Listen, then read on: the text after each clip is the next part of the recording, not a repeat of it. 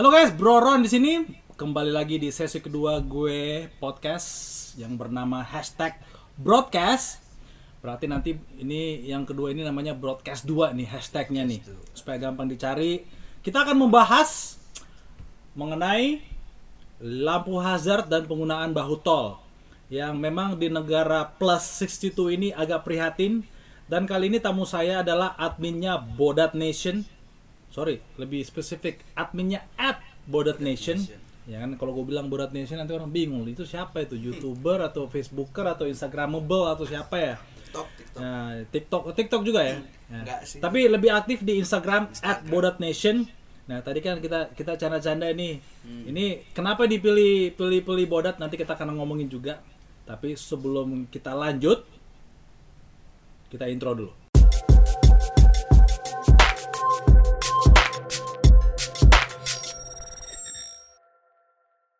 Oke, Om Bodat Nation kalau bisa dikenalkan dirinya nama lengkap, alamat, NIK, Buset, ya kan. NIK. Habis itu ulang tahun, langsung dibikin kartu kredit lagi yang barang sendiri. Eh, kartu nomor kartu keluarga ya kan. Apakah masih jomblo atau gimana? Lurus atau bengkok? Sukanya apa? Cewek atau cowok atau yang campur? Silakan coba diintroduction dirinya ya. Ya, halo semua. Nama gua Osel Prawaba. Lo bisa bilang gua Osel. Eh gue dikenal biasanya itu admin at Bodat Nation di Instagram gua. Di Twitter juga at Bodat Nation. YouTube belum ada. Ya, itu segitu aja sosial media sosial media gua. Pasti biasanya selama ini dipanggil opung ya kan? Oh iya. Karena orang kira orang kira adminnya at Bodat Nation itu gue itu ya. Ya ini sekalian klarifikasi ya kalau gue itu bukan bro, Ron. beda. Kita tuh beda gitu loh. Ya. gimana ya gue muda dia tua gitu itu dari situ aja udah Anjing. gue juga nggak mau disama-samain sama tukang bebek gitu loh Anjing. gue lebih eh, gue belum dijulukin tukang bebek, tukang kenapot. Tukang knalpot, ya, Ya, tukang tapi kan penggunaan kata bodatnya ini kenapa nih? Jadi sebenarnya kita harus akuin dong, ya kan? Ente itu dipanggil opung selama ini atau dipanggil broro kalau ada yang japri karena kan Iya. yang memviralkan kata bodat itu siapa? Coba coba coba. Akuin dulu dong. Ka- saya butuh jadi jadi pengakuan. gini kita Nah, kita cerita dulu dari awal nih Nah, gue dari bisa. kecil itu udah tahu tuh ada sering orang bilang bodat bodat bodat cuman anak gua juga udah tahu kali yang umur 9 tahun. kan ente bapaknya itu bedanya saya bapak saya nggak tahu bodat Oh gitu. ya. Terus terus terus. gue tahu bodat gitu kan ini kenapa viralnya baru akhir-akhir ini gini kan gara-gara siapa broron broron gitu kan Nah, nah kebetulan waktu itu gue emang gue dari dari dulu sih udah lama banget gue udah enak banget gitu sama kelakuan orang-orang Indonesia gitu kan cuman gue nggak bisa mendeskripsi apa yang bisa di kata-kata untuk mendeskripsi- mendeskripsikan orang Indonesia gitu. Gua- goblok terlalu kasar Ya, bodoh terlalu halus ya betul. jadi Bodoh terlalu halus. bodat itu masih terlalu halus sebenarnya cuman pas aja gitu nah sekalian juga gua ngambil pasar sih lebih tepatnya Nah. pasar yang diviralkan oleh tukang bebek ini Eh, eh, bilang namanya tukang dong. kenal pot ini Bilang namanya dong. Ah, Udah, udah centang biru nih, udah centang biru nih. biru centang biru mah Apa? gampang Cuma- sekarang Enggak beli loh, ini enggak beli loh. Ah, yang bener. Natural, generik nih. Hah, masih tiba-tiba Jadi, jadi jadi siapa tadi yang memviralkan? broron broron DM Oke. Oke. Jadi em, kita waktu itu kenalannya waktu program Millennial Safety Hmm. Road Festival ya. Hmm. Nah, kebetulan saya ada ada plaknya sini nih. Yang ditutup sama foto anak saya nih. Iya. Ah, kebetulan saya waktu itu diajak jadi juri, Ah, makanya kita kenal waktu itu ya kita japri-japrian. Am, jadi juri siapa yang akan ikut peserta ah, Millennial Road Safety itu tahun lalu ya? itu Itu tahun 2018. 2019 akun gua kan 2018 Coba lihat. Ini kapan ini? Maret 2019 itu. Podcast dua. Maret ya? Harusnya. Maret 2019. Wih, udah satu setengah tahun ya? Udah satu ya. setengah tahun lama. Merasa- Ingat banget gua nggak pernah lupa gua dibilang jelek mukanya sama dia. Kagak, kamera lu yang jelek. Mana lek? Eh, eh, Kamera sama gua bagus. GoPro jelek. Mungkin kurang lighting kali. Iya, kurang Perlu- lighting perlu, perlu beli lampu-lampu kayak gini kali. bro. Anjing niat banget gua di kosan bawa bawa, bawa lighting beginian. Oke, jadi kita sudah umumkan di Instagram, kita akan bahas ini lampu hazard. Memang agak Yes. nek juga, saya juga tuh nek karena banyak eh, salah persepsi mengenai kegunaan lampu hazard ini. Sebenarnya untuk apa sih dan banyak juga orang ya, khususnya masyarakat Indonesia ini jadi membuat aturan sendiri gitu. Iya, iya. Apa penggunaannya? Saya itu pulang ke Indonesia tahun awal tahun 2011, saya lama di luar negeri dan pada saat itu eh, yang membuat saya paling kesal itu penggunaan lampu hazard saat hujan Hmm. ya kan sudah sudah apa ya mobil itu tidak semua mobil waktu itu mobil saya Avanza Hmm. ya. Avanza itu tidak memiliki defroster depan tau Hmm. nggak defroster yang ada ada kipas di dashboard yang kayak arah iya. windshield Ha, ha. ya kan Iya, iya. ya kalau di Amerika namanya defroster lah ya defroster kaca depan kaca belakang ya kan jadi kalau hujan ya kan Kabut tuh. Ah, kabut itu. Jadi kalau cenderung lebih dingin di luar daripada di dalam, jadi kabut di dalam tuh kan. Nah, lu bayangin kaca udah kabut, wiper super fast karena hujannya deras. Terus si bodat yang di depan ini pada pakai lampu hazard, silau coy. Iya kan? Karena kan pada saat lampu itu terang, berkedip, Hmm. itu kan gara-gara kabutnya itu kan sinar lampu itu jadi menyebar. Ya, jadi biasa. Jadi Kena- menyebar ya kan? Kena Jadi spread. air. Nah, kena kena kena air itu namanya lens effect, Hmm. eh, efek lensa ya di air itu jadi nyebar. Langsung gue kesel banget. Itu Pokoknya tuh zaman-zaman ya masih masih umur Iya, 30-an lah. Jadi waktu buat 30-an itu emosinya masih kayak lebih barbar daripada sekarang. 2000 Kalau kan. 2011. 2011. 2011 30-an. Masih Gua 30-an. masih SD itu gua. Tapi kalau satu masih si bocah dia ini kan. Ya kan? Makanya jadi jadi apa namanya? Jadi silau kan. Wah, udah kesel banget nih. Jadi ya awal-awal semenjak saya aktif jadi eh, apa youtuber semenjak aktif di medsos baru deh menyuarakan mengenai hal-hal ini kan banyak juga yang minta saya bahas kayak gini karena memang di dunia otomotif ini yang kita kenal berani barbar itu hanya dua saya salah satunya saya mau bilang saya nomor satu Ya, yang keduanya siapa siapa? ya? yang Mbak Satar Hah, siapa tuh? ah, gak Sumpah, diakuin. sumpah gua, Ah, gua baru tahu dia itu Eh. belum lama loh. Dia tuh follow-nya 200 ribu loh. Udah amat, siapa? Tapi Tuh belum seribu. biru. Tapi belum centang biru. ya kan? Jadi kami berdua itu memang yang paling vulgar di Indonesia ini. eh, di dunia otomotif khususnya roda 2. Otomotif sih. Otomotif roda 4 pun siapa yang vulgar ya? Kagak ada ya. Jadi ya patutlah kita mulai bahas mengenai hal-hal ini mengenai road safety eh, dan akhir-akhir ini eh, sekedar mengingatkan ini podcast ini tanggal 24 November 2020 dan akhir-akhir ini Mbak Satar itu fokus pada balap liar di jalanan dan itu mungkin patut kita bahas ke depannya. Oke, saya sudah ber 7 menit 8 menit intronya. Sekarang kita get to the point. Kita kenal dulu sebenarnya khususnya penggunaan lampu hazard. Kita ngomong mengenai undang-undang sama seperti di broadcast nomor satu saya, broadcast satu uh, saya mengajak mengenai uh, teman mahasiswa ya. Uh, dia mengulas undang-undangnya. Saya juga udah minta admin Bodat Nation di sini untuk persiapkan. Kita kita ngomong pasal undang-undang. Jadi kita ngomong berdasarkan data dulu, baru kita ngomong mengenai perasaan. My feeling, your feeling. Ya boleh beropini. Coba kita ngomong undang-undangnya dulu. Ini apa nih? Undang-undang LLAJ. undang-undang- LLAJ ya. Yes. Oke, berarti itu dibuat DPR ya Hmm, mungkin atau ini peraturan? Ini apa? bentuk undang-undang atau peraturan atau apa nih? undang-undang ini. Undang-undang. Undang-undang. Nomor berapa? Nomor 22 tahun 2009 tentang LLAJ, pasal 121 121 ayat 1. 121. Yes. Saya tiba-tiba ingat 212. Nggak boleh tahun Oke, ini nggak boleh. Pasal 121. Kita jangan bahas 212-nya ya. ya.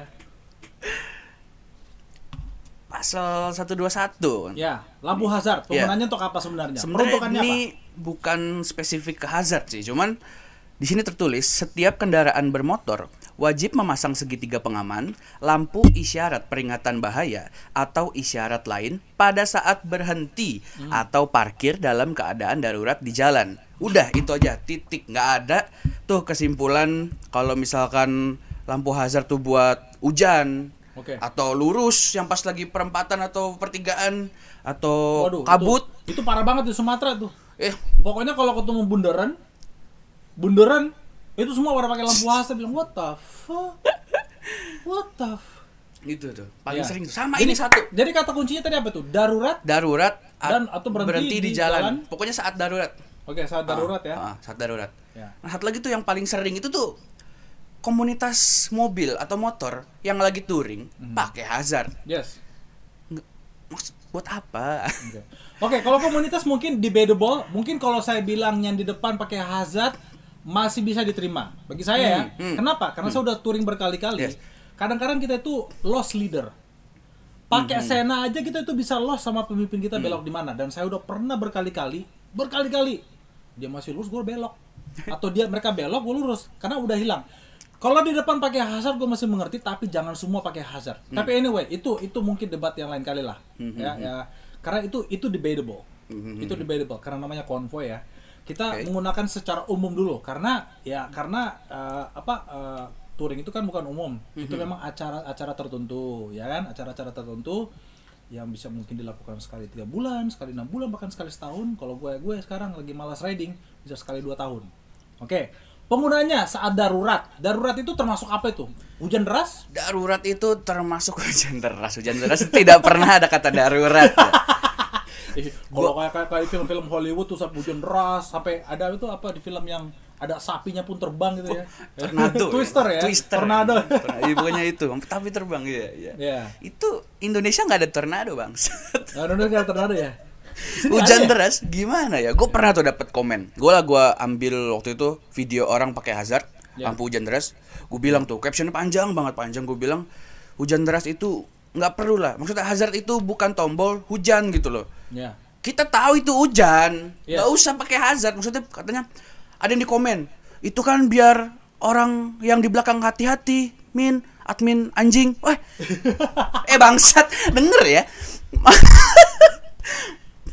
eh Lu- jangan, jangan sampai ciprat. Rotinya kena ciprat lo Elem. saya kena covid lagi gue. Enak. Eh, terus terus terus. Gimana ya? Nggak usah lu kasih hazard. Gua tahu itu hujan. Gua nggak bego gitu loh. Iya kan? emangnya cuman mobil lu doang yang kelihatan hujan? Mobil gua enggak sama. Jadi gini bro, gua akan bilang nih, itu adalah komentar terbodat, sebodat-bodatnya dari semua kelas bodat dan level bodat yang ada di dunia ini. Baik itu level 1, level 10, itu udah paling bodat. Kenapa? Pas dia bilang, supaya yang di belakang tahu harus hati-hati karena hujan. Lu pikir lu itu di Wakanda, terus yang di depan itu Bekasi gitu ya. Ibaratnya kan selama ini kan kita berapa tahun candaan itu kan Jakarta dan Bekasi itu jauh banget kan beda planet ya. Jadi dipikir itu yang di depan itu Wakanda, yang di belakang itu di planet Bekasi gitu. Sampai nggak bisa lihat tuh hujan, harus dikasih tahu hati-hati. Eh, bodat, bego. Kalau namanya hujan, ya ini kan bukan film Marvel nih. Ini bukan komik Donald Bebek. Ya, yang yang yang kadang-kadang ada hantu ya kan ngikutin si Donald Bebek itu apa sih dikasih hujan situ aja kan. Ini reality. Jadi tolong kamu keluar dari dunia mimpi. Kalau bisa paspornya diperbarui, keluarlah dari planet Bekasi. Eh, canda-canda. Nanti gue diomelin lagi, gue dibully nih karena Diblokir jalannya. Diblokir lagi ya. Ya. Yang di de- belakang itu kalau lihat hujan di depan, itu udah tahu itu harus hati-hati. Ya. Itu sudah natural. Ibaratnya, kalau kamu sudah bisa berlogika membawa mobil, menyetir mobil, mengemudi mobil, hal-hal kayak gitu tidak perlu diajarin kayak orang kayak gue gitu loh. Yes. Kalau lu tidak memiliki logika bahwa di depan itu hujan dan harus hati-hati tanpa melihat lampu hazard, eh, lu kayaknya mending gak usah di jalan raya deh. Malah gue malah takut dekat-dekat lu. Karena akal sehatnya itu sudah mengalahkan bodat sendiri. Bagaimana? Ya. Itu sebenarnya gimana ya? Itu kan dasar berkendara. Hmm. Kalau dasarnya aja nggak bisa gimana lu mau ada di jalan gitu loh. Simple gitu loh. Akal sehatnya ya. Akal sehat tuh. Iya. eh, Jadi akal ya sehat itu ada. memang komentar yang yang pernah juga ada berkomentar di saya. Eh, waktu itu juga saya lihat salah satu Instagramnya eh, pengelola tol apa Waskita ya? Eh sorry. eh, Waskita. ah, bukan bukan Waskita. Jasa, Jasa Marga. Jasa Marga pernah posting yang ada spanduk tuh di jembatan lain. Ya, gue ingat, ya gue kan? ingat, gue Ya ingat. kan? Di Jawa Timur atau apa ya? Banyak yang komentar tuh. Dan paling banyak komentar yang kayak gitu. Ya supaya yang di belakang bisa tahu harus hati-hati. Bilang, Anjing. Itu akal sehat dari mana tuh? Nah kalau saya ba- baca di Google nih, uh, saya ketik di Google peruntukan lampu hazard. Ya lampu hazard. Lampu hazard sendiri memiliki fungsi tersendiri. Di antaranya ialah digunakan saat kendaraan mengalami masalah di jalan dan harus menepi. Itu darurat ya. Betul. Kata yang di undang-undang tadi darurat ya. Lampu hazard yang menyala akan memberi peringatan bagi pengendara di belakang Anda. Benar, memberi peringatan. Tapi bukan bukan peringatan hujan. Lu pikir lu apa forecaster gitu ya peringatan hujan. Wah, akan hujan. Apa tuh? Eh, pra- prakira cuaca apa Iya, istilahnya apa itu ya? forecast bener. Iya kan? Forecast. You're not the fucking weather forecaster. Karena kalau sudah hujan itu akan kelihatan sedikit minimum satu kilometer radius. Padahal lu di depan belakang mobil itu paling berapa? 20 meter di belakang mobil gitu loh. Ya kan?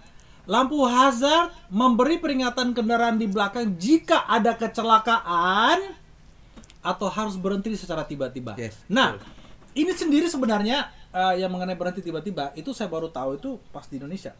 Hmm. Karena di Amerika itu, saya lama di Amerika, SIM pertama saya juga di Amerika. Malah di sana itu ada istilahnya namanya driver's permit. Itu di mana saat kamu berumur 15 tahun, kamu boleh memiliki semacam SIM temporary. Kamu hanya boleh mengemudi di siang hari dan bersama orang dewasa yang punya SIM di samping. Jadi nggak boleh sendiri ya. Saya itu udah mengemudi semua umur 15 tahun. Resmi ya, nggak kayak di sini nembak. ya kan? Karena kan harus punya KTP kan untuk bikin SIM kan. Yes. Nah, Nah, di sana itu cukup apa um, kartu mahasiswa resmi. Nah, di baru di Indonesia lah saya tahu kalau ada pengereman tiba-tiba ya kan, yang mungkin mungkin lagi ada darurat depan, itu pas pengereman tiba-tiba pakai hazard, lampu hazard. Awal-awalnya gua gua nggak ngerti kenapa sih orang pada kalau rem tiba-tiba semua pada pakai lampu hazard. Nah, baru gua udah ngerti dan dan itu udah ditegaskan di sini Uh, dan ini di Google nih, ini kan apalagi berbahasa Indonesia. Ini diambil dari halaman, wow, Google-nya lumayan mantap nih. Halaman Kutipannya dari nissan.co.id. Hmm. Ya, kalau lu ketik peruntukan uh, peruntukan lampu hazard. Memberi peringatan kendaraan di belakang jika ada kecelakaan atau harus berhenti secara tiba-tiba. Oke lah, jadi kalau pengereman tiba-tiba kita pakai lampu hazard, itu masih masih acceptable, acceptable ya Masih acceptable. masih masih bisa diterima.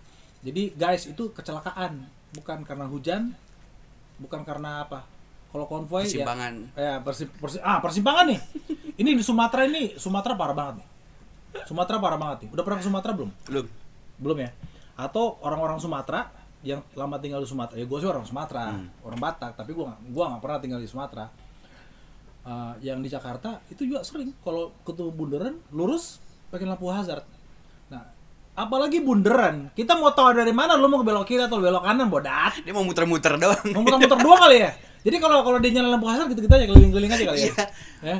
Lu bisa mengasumsikan, amang asusi, ams, Asumsikan, asumsikan dia ya. mau berputar-putar kalau dia pakai hazard. Dia iseng kayaknya dia lagi iseng. Bosen.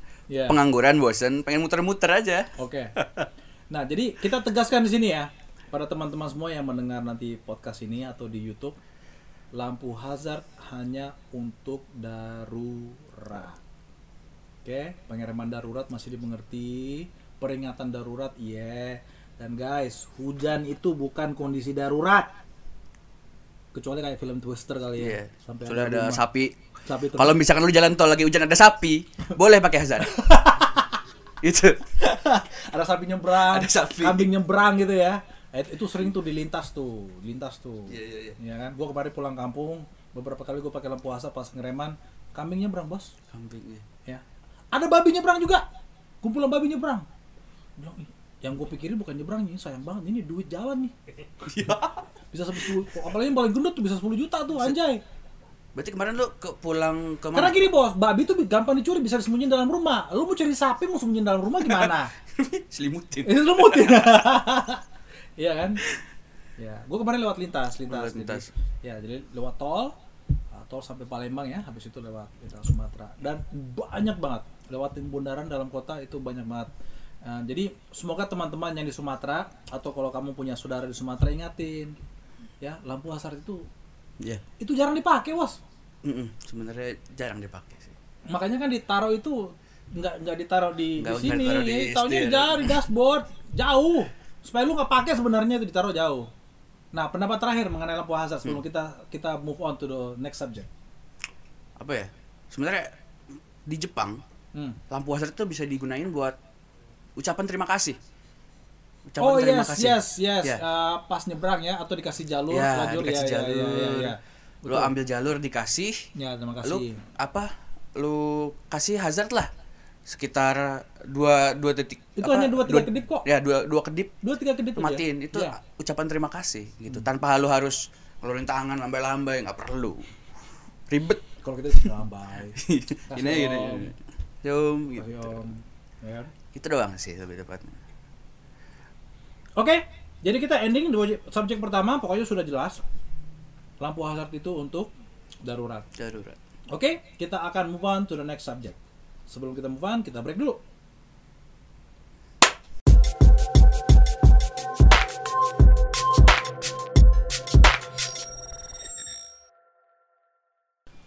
Oke guys, kita akan ngomongin subjek kedua mengenai bahu tol. Luar biasa Indonesia ini, yaitu tadi seperti saya yang saya ceritain saya itu lama di Amerika, bahkan SIM pertama saya itu di Amerika saat umur 15 tahun. Hampir tidak pernah saya itu lewatin bahu tol. Hmm. Saya itu hanya berhenti di bahu tol waktu itu sekali kempes ban, yang kedua, ketiga, keempat, kelima karena diberhentiin polisi Kenapa? speeding. ya. Jadi tapi itu berhenti di, di bahu tol. Ya. Berhenti, Mhm. bukan ngelaju di bahu tol, ya kan?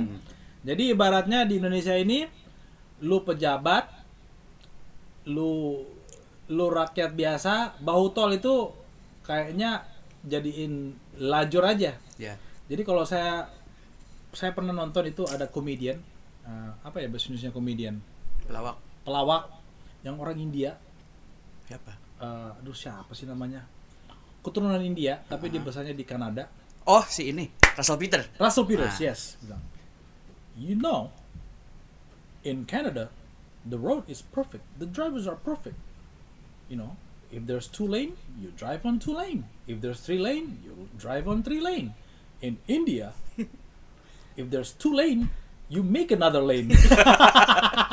Iya, iya, iya. Ah, Gue tahu gue tahu, gue Gua tahu. sama bini gua waktu nonton itu ketawa, you know, in India, if there is two lane, you open another lane, you make another lane. Mau bilang ngakak gue.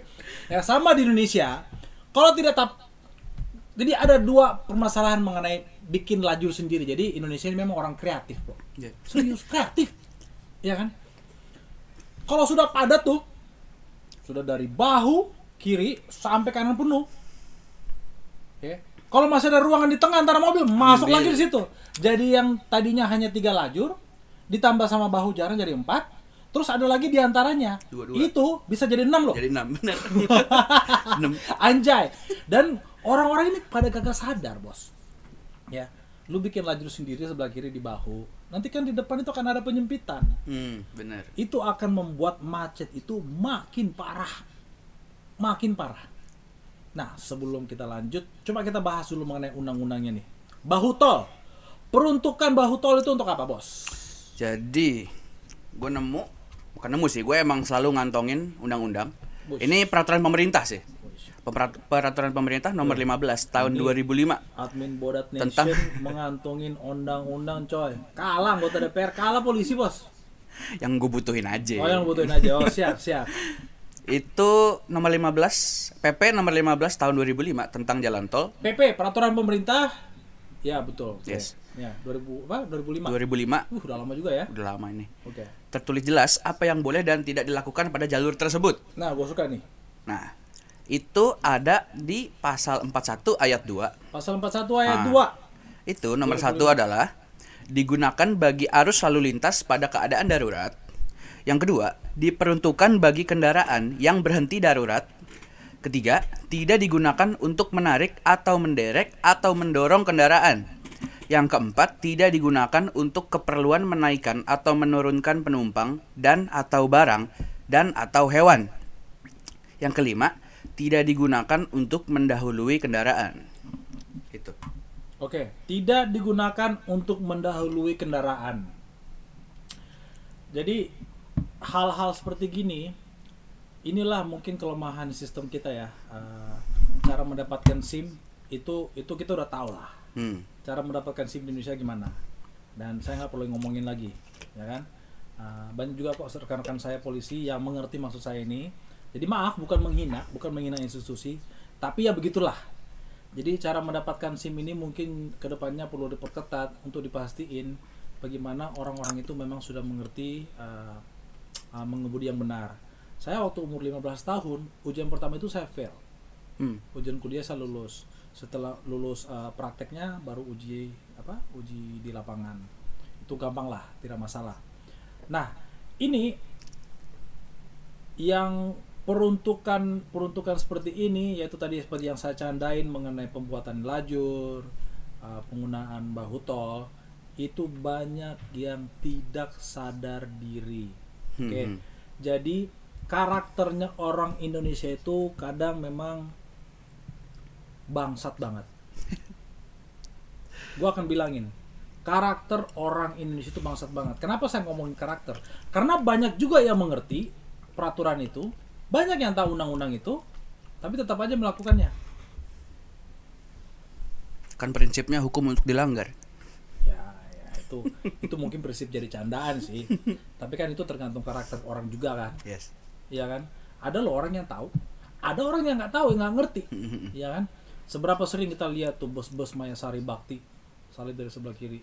Bahkan bus-bus yang yang yang mendapat training khusus bus Transjakarta loh.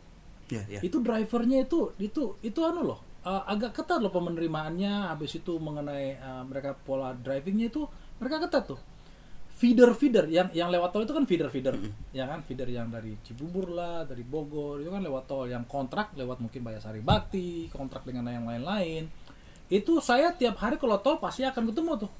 Aduh ini ini salah. Ya saya mention nama tadi kan Mayasari tapi ya itu fakta. Saya udah berkali-kali lihat yang pokoknya berlogo Transjakarta itu ini kenapa mesti lewat bahu tol? Bus-bus. Ya kan? Ya. dan lu bayangin nih guys. Lu bayangin nih.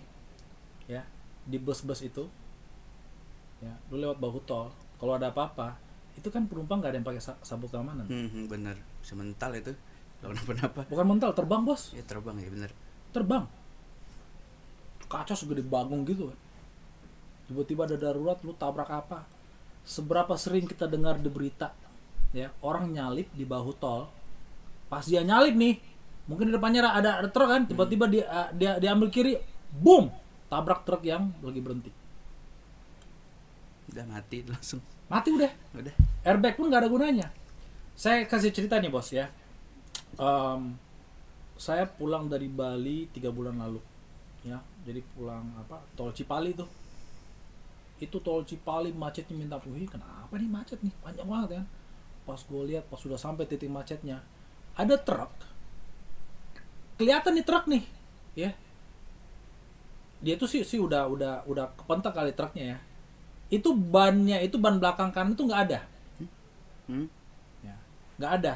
Terus ada mobil di belakangnya Avanza hancur. Masuk lewat pantatnya. Bu ini kenapa nih kok cari di berita nih kan? Oh bener. Dia nyalip dari bahu tol. Mati semua di dalam Avanza. Mati karena nyalip. Truknya lagi ganti ban makanya dia nggak ada ban. Hmm, bener. lagi kempes ban dia lagi darurat. Ya kan? Jadi em, kesadaran diri karakter orang Indonesia itu begitu ya termasuk juga ya kita mungkin em, sering lihat dilakukan oleh pejabat-pejabat kita nah itu gimana tuh Sebenarnya ada di garis bawahi sih. Itu pejabat kalau mau melewati bahu tol itu harus asistensi dari patwal. Itu garis bawahnya di situ. Harus asistensi dari patwal. ya Kalau nggak ada, nggak boleh. kalau nggak ada nggak boleh ya nah kita akuin itu pasti kita sering kok lihat tanpa dikawal pun banyak ya Modal strobo. Mulai strobo. Tetapi saya ngomongin lagi karakter orang Indonesia, karakter bodat orang Indonesia. Yaitu apa? Ya, salah satu komentar kemarin yang waktu lu posting Hmm. ngomongin juga tuh mengenai pejabat-pejabat yang mengenai apa yang lewat bahu tol. Karena mereka itu kan memberikan contoh yang buruk.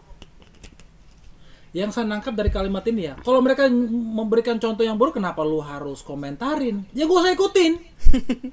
Sadar diri aja. Bener. Emangnya keselamatan lo itu ada di tangan pejabat? Lu kalau sudah tahu itu nggak bagus, ya udah gak usah ikutin. Kenapa mesti ngebacotin? Eh, ngomongin juga dong mengenai pejabat yang lewat bahu kiri. Eh, bodat. What the fuck? Kesadaran diri. Kesadaran diri yang paling penting, Bro. Ya kan? Jadi kayak apa? Admin Bodat Nation ini barusan, ya kan, saya nanya, udah tahu nggak undang-undangnya? Oh, saya udah siapin undang-undangnya. Sadar, kita akan ngomongin undang-undang ya, siapin undang-undang, ya kan? Jadi kalau memang mau sadar mau selamat, apalagi lu bawa anak-anak kayak gue nih, Hmm. gua makin makin berumur memang makin anu loh makin lebih tenang di jalan Iya, iya. udah biarin aja orang mau nyalip gue biarin aja gue ceritanya bro ya lu kayaknya nggak nggak bisa ngomong ya Hmm? gue nunggu nungguin lu dari tadi ngomong nggak ada ngomong? Lu lu manjang terus ceritanya. Gue nungguin lu gue. iya kan boleh cut off gitu loh Oh. nyambung Oh gitu boleh. Oke, Ya. siap nah gue kasih cerita nih setelah gue cerita nih lu ngomong ya Hmm. nah what the fuck orang bulat sih nggak bisa ngomong juga nih ya gue pernah konvoy sama teman-teman gereja nih Hmm. teman-teman gereja ada yang meninggal jadi kita itu konvoy dari dari rumah duka Jakarta ke San Diego Hills Hmm. Rawang. Rawang Em, macet dong di Bekasi biasa Bekasi Barat Bekasi Timur ya kan macet Em, habis itu apa ya ambulansnya ambil bahu tol Ya. Ya, ngerti nggak ya ngerti ngerti. ambulans bahu tol gue nggak ikutin tuh Kenapa? yang lain sih pada ikutin Itu kondisinya udah meninggal ya. gue udah meninggal Udah meninggal. Kenapa ngikutin bahu tol?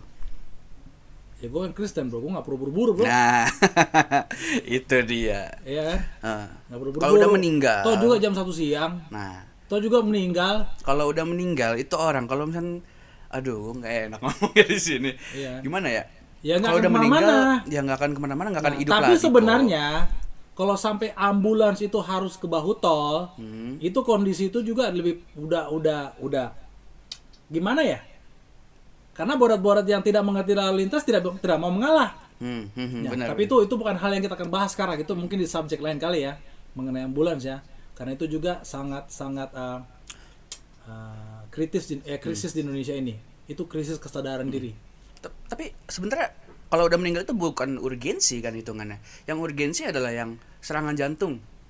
Ya, itu ambulans. Ya. kalau pembawa mobil jenazah urgensinya ya kalau kalau gue ya, ya, Ya. gue ngomong dari sisi ke, agama aja deh Hmm. di Kristennya ya ya lu nggak perlu kejar maghrib sih Hmm, ya kan Ah, tapi kalau jam satu siang lu di Bekasi Timur ya kan lu udah tahu itu San Diego Hills kan di kilometer berapa tuh ya 40 ya 50 ya Hah? 47 lu tahu dulu sering nih ini pengawalan lu kali ya? Keluarga gue di Kerawang. ya kan? Nah, kilometer 47 Bekasi Timur itu Bekasi Barat itu kilometer 19. Ya gue ingat gue ingat rest area ya. ya kan?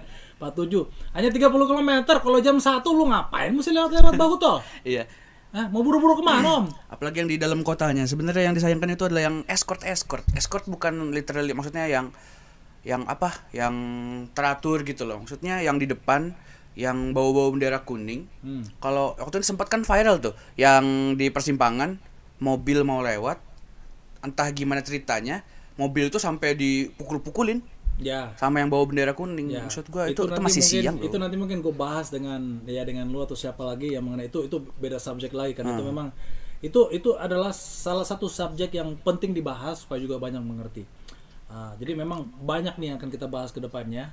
Tapi kita stay dulu with du- dua subjek ini karena memang bahu tol ini kalau mengenai pengawal itu kan mungkin tidak ah, bahaya sih bahaya Hmm. kemungkinan besar ada yang mati gara-gara kecelakaan mungkin kecil lah. Tapi kalau mati lewat bahu tol itu kemungkinan besar Yes. bisa banyak, ya. Karena apalagi lu ambil bahu tol itu kondisinya bukan karena macet, Hmm. tapi karena nyalip, Hmm. ya. Jadi kalau kalau nyalip itu biasanya orang itu kalau nyalip mungkin dari tengah diambil langsung ke kiri aja ya kan? Karena dia sudah terhalang dua truk atau dua bus nih ke kanan nggak bisa ambil kiri, lu tiba-tiba ambil kiri, boom, ada mobil lagi darurat lagi berhenti ganti ban emergency, apalagi truk. Kalau truknya bawa besi, bawa batangan besi, boom, batangan besi masuk dalam mobil tusuk Der, semua dalam udah. der. Jiun udah. Lewat. Jiun udah. Dan ada lagi. dan kalau itu terjadi, dan lu bayangin kalau itu terjadi ya, kayak gitu darurat, lu masih hidup nih Hmm. di lokasi. Habis itu kesadaran masyarakat untuk memberikan ruangan untuk ambulans lewat yang sangat minim. Nah, itu. Lu double jeopardy. It's a fucking double jeopardy. Double trouble. Ya kan? You put yourself in that position, terus pas mau ke rumah sakit, kena macet, nggak ada yang mau mengalah ambulans, mati aja lu deh. Udah. Ya paling dikit orang kalau mau mati jangan repotin lah gitu. Lo kalau mau mati tusuk diri sendiri di dapur ya udah. Atau kalau mau lebih nggak repotin lagi, lu kalau mati mau bunuh diri lu lu naik gojek eh lu naik grab car Hmm. berhenti di depan pintunya San Diego Hills. Mhm. ya. Ya lu tusuk diri dulu sendiri lu bunuh diri ya paling dikit lu dekat tuh sama kuburan tuh. Iya iya, ya nggak ngerepotin yang gitu. nggak ngerepotin. Ya. Ya paling ngerepotin di sana weh ini siapa nih? Hubungi keluarganya. Oke ya udah pak sekalian aja dikubur atur besok. Kan udah selesai nggak repot. Rumah dukanya harus disewa bla bla bla. Kubur tinggal beli peti doang Keluarganya repot. ya tapi lu lu kecelakaan apalagi jalan luar kota nih. Di tol nih tol luar kota lu kecelakaan kayak gitu. Buset harus ada yang ngurus mobil yang hancur. Harus ada yang urus lu ke rumah sakit kalau masih hidup. Harus ada urus ke kantor polisi pengambilan uh, mobilnya yang mau dijual asuransi atau gimana. Repot coy. Padahal hanya butuh kesadaran diri sendiri Iya. Maksudnya kalau udah kayak gitu, kalau udah nyalip, makanya gue suka suka bilang kan, Hmm. jangan deh main-main soal nyawa gitu. Masalah lu nggak sempet nyesel gitu loh. Lu Ya. kalau udah nabrak mati, nggak sempet nyesel. nggak sempat mana Nggak sempet. nggak sempet. koma bahkan koma pun nggak bisa nyesel bahkan lu tahu lu mati pun lu nggak tahu gitu Nggak loh. nggak. Tiba-tiba udah hup, hilang. Udah nyesel juga enggak. Iya. Gitu. Jadi teman-teman kesadaran diri aja. Ya, memang sih bodat-bodat di negara ini banyak banget. Eh, jadi pantaslah ada akunnya Instagram @bodatnation untuk memberikan edukasi mengenai hal-hal seperti ini. Ya silakan di follow @bodatnation. Eh, jadi kita udah bahas dua subjek mengenai penggunaan lampu hazard. Banyak yang tahu penggunaannya, banyak yang tidak tahu penggunaannya. Dan kalau mungkin kamu mendengar ini, tidak perlu diperdebat lagi Mhm. ya karena kita udah tadi ngomong mengenai undang-undangnya dan kalau kamu bingung masih bingung pelajari banyak di Google kok. Tidak perlu ke perpustakaan. Ada Google di HP kamu. Kalau kamu dengar ini di Spotify berarti kamu sudah punya ngerti eh, smartphone ya. Bisa Google peruntukannya untuk apa? Yang pasti bukan untuk hujan atau bukan untuk melewati bundaran. Persimpangan, terowongan, terowongan juga tuh sering, terowongan gelap. ya Pakai sila coy. pakai lampu hazard. Wih. Guys, apalagi malam-malam, lampu hazard itu silau. Jadi, kalau untuk darurat itu sangat menguntungkan, sangat berguna karena dia terang tuh. Kalau malam-malam pakai lampu hazard itu kelihatannya terang tuh. Orange kan? Warna orange. Tapi kalau untuk lu pakai apalagi malam-malam di lajur biasa kecepatan 40, 50, 60, 70, 80 pas lagi hujan. Astaga, silonya minta ampun coy. Oke, yang kedua mengenai bahu tol. Sadar dirilah. Itu bukan lajur. Untuk darurat, Bro. Oh iya, sama satu lagi gue mau nambahin nih. Iya. Kalau misalkan bahu tol itu bisa dilewati kalau misalkan ini di undang-undang ya, tetap ya. Iya. Gue ngambil dari tetap yang sama nomor 15 tahun 2005 tentang jalan tol halaman 16 yang dimaksud pada pasal 41 ayat 2 huruf A which is digunakan bagi arus lalu lintas pada keadaan darurat. Nah, itu eh, di mana sebagian atau seluruh jalur lalu lintas tidak dapat berfungsi karena kejadian kecelakaan lalu lintas atau pekerjaan pemeliharaan. Jadi sebenarnya boleh aja kalau misalkan depan ada kecelakaan. Nah, cuman di sini gua agak bingung nih. Ah. Kalau misalkan ada kecelakaan, yang benar kata tadi, masih hidup. Itu ntar ambulans gimana gitu loh. Itu pertanyaan gue di situ aja gitu loh. Kalau misalnya kecelakaan, di sini di ini Ya tertulis loh. gini, jadi bahu tol itu eh, bahu tol itu kalau kayak gitu uh, skenario nya bahu tol itu digunakan untuk melewati lokasi eh, apa? lokasi Kecelakaan. lokasi kecelakaan. Jadi kalau memang kecelakaannya ada mobil dua tiga mobil jungkir balik, eh, semua lajur terhalang, tapi apa? Tapi bahu tol yang memang untuk darurat dipakai, ya dipakai untuk Hmm. lewat. Jadi bukan dipakai untuk eh, kalau sudah macet total, lu jangan, lu Iya, jangan, gini loh, ibaratnya kalau sudah macet total, lu lu jangan lewat bahu tol. Karena kalau lu macet total, lu lewat bahu tol, kita nggak tahu di depan ini apa nih Hmm, hmm, memang macet atau ada darurat. hmm, Jadi kalau ada darurat, ambulans bisa lewat. hmm. Ya, petugas bisa lewat. Tapi kalau lu tidak tahu apa-apa, terus tiba-tiba semua masuk bahu tol, habis ruang darurat itu tidak ada. Ingat loh, ruang darurat itu untuk darurat. Jadi kalau tidak ada ruang darurat, petugas mau ke mana? Ya. Lu bayangin nih bro, kalau itu anggota keluarga lu yang kecelakaan, ya kita bayangin nih, anggota kita keluarga kita yang kecelakaan, tapi tidak bisa datang petugas membantu karena Macet. semua lajur Ya. udah macet total. Hmm, hmm, hmm. Ya. Jadi semacet-macetnya itu tol, ya semacet-macetnya itu tol kalau bahu tol lajur darurat tetap available semua petugas bisa lewat Mhm. Boom. Jadi intinya kalau misalkan ada kecelakaan atau pemeliharaan jalur itu cuman boleh dilewati saat melewati saja ya. melewati Sudah fix aja yes, ini ya. untuk Oke. melewati jadi gini loh Bukan dari jauh. dipakai sebagai lajur untuk melewati kondisi darurat. Hmm. Kondisi darurat. Yes. Ya, bukan menjadi lajur sendiri.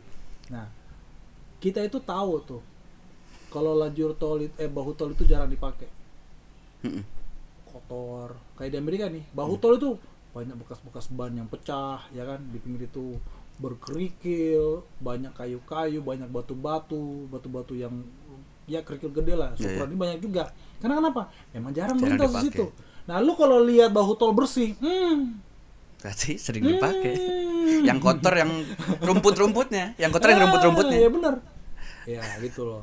Ya. Jadi ada tambahan Broad Nation. Ada. Kita sudah ngobrol 40 menit, jadi kita akan closing saat ini.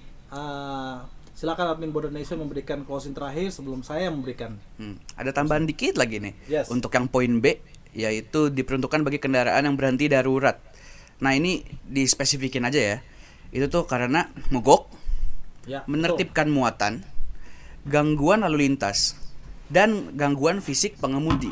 Nah, berarti ibu-ibu yang waktu itu di Cipali, yang piknik sama keluarganya makan di pinggir jalan, Anda bangsat. Jujur aja, piknik di pinggir jalan lapar kali bos. Kalau itu kalau itu kayaknya benar-benar innocent tidak tahu. Ah, tidak tahu, tetapi tetapi pengemudinya seharusnya tahu. Pengemudinya harus jelas harus tahu, harus. tahu. Kalau lu udah berani Harus mengemudi di titik lu mikir mau beli mobil, mau nyewa mobil atau mau keluar rumah bawa mobil, Yes. lu harus tahu resiko dan Betul. Akibatnya gitu loh. Obatnya yes. Lu bakal kena macet, lu harus tahu lu bakal kena macet, kecelakaan juga, lampu merah tertipin, Yes. dilarang stop, dilarang stop, dilarang parkir, dilarang parkir, udah gitu aja, Nah, simple. Lu, lu bayangin tuh kalau ada bus bus penumpang yang bus penumpang yang gede yang full size nyalip dari bahu tol habis itu habis Lagi makan kan mau makan rendang, jadi rendang akhirnya. mau makan Siapa yang nyangka? Oke guys, jadi kita udah bahas dua subjek itu yang semoga teman-teman uh, mendapat ilmu yang baik dari kami, dari saya Bro at Bro Ron DM dan juga admin at Bodat Nation. Semoga ilmu ini bermanfaat, semoga kalian berhenti menjadi bodat karena memang dua hal ini yang seharusnya kamu secara natural ilmunya sudah ada saat memiliki SIM baik itu SIM mobil, SIM motor atau SIM bus atau SIM apa pokoknya semacam SIM apa pun seharusnya kamu mengerti itu peruntukannya untuk apa. Jadi semoga safe di jalan dan bisa menjadi manusia yang safety untuk diri sendiri, untuk keluarga dan untuk orang-orang di sekitarmu. Karena ingat, kalau kamu kecelakaan itu tidak merepotkan diri kamu sendiri, merepotkan keluarga, merepotkan orang lain dan juga merepotkan ribuan orang yang kemungkinan melintas di daerah tersebut yang bisa saja juga dalam keadaan emergency ya butuh tiba-tiba lewat tapi karena lu bego lu tolol lu konyol lu sontoloyo lu lewat jalur tol lu tabrak truk macet total ada orang yang butuh ke rumah sakit ternyata nggak bisa lewat karena macet total. Astaga it is such a bad chain effect. Ya anything could happen dan dan apa ya semua ini bisa terhindari kalau karakter diri kamu dirubah dari sekarang. Ya jadi kalau kamu yang mendengar ini rubahlah karaktermu tahan emosinya ya. Mungkin ke depannya kita perlu bahas itu mengenai road rage ya. Road rage juga itu parah banget road rage Uh, dua minggu ini aja dua CBR dua CBR seribu hancur ya kan? Ya kan? Salah Kacau juga gara-gara road rage. Yes. yang keduanya mungkin karena kurang perhatian. Perhatian Nah, tapi lah ya itulah Indonesia. Enaknya enaknya hal-hal ini bodat-bodat seperti ini menjadi subjek untuk podcast gua. Gua terima kasih juga. Jadi karena kebodohan lu gua bisa bahas. Ya. Thank you guys. Terima kasih. Admin at Bodat Nation. Sampai ketemu di podcast berikutnya. Bagi teman-teman yang nanti nyenyak uh, bisa ngomong. Yang nantinya melihat cuplikan-cuplikan ini silakan ketik aja hashtag broadcast 2 ini namanya broadcast dengan angka nomor 2 oke? Jangan lupa follow saya di di Instagram saya @brorondm. YouTube channel saya ketik aja brorondm dan di Spotify under name brorondm sampai ketemu di sesi berikutnya